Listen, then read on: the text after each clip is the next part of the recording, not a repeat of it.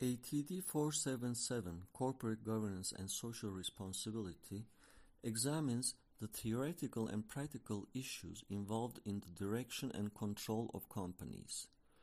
In this course, we consider the theories upon which corporate governance and corporate social responsibility models are based, particularly agency theory, transaction cost economics, and stakeholder theory. We then review some of the most spectacular failures of governance mechanisms in recent years, which led to the development of codes of best practices in different national settings. Subsequent course sessions examine ethical issues, social responsibility, environmental sustainability, and corporate citizenship.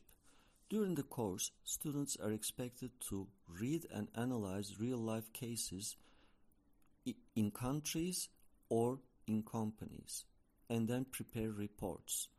We also watch some pertinent documentaries to enforce real life failures or successes of corporate governance.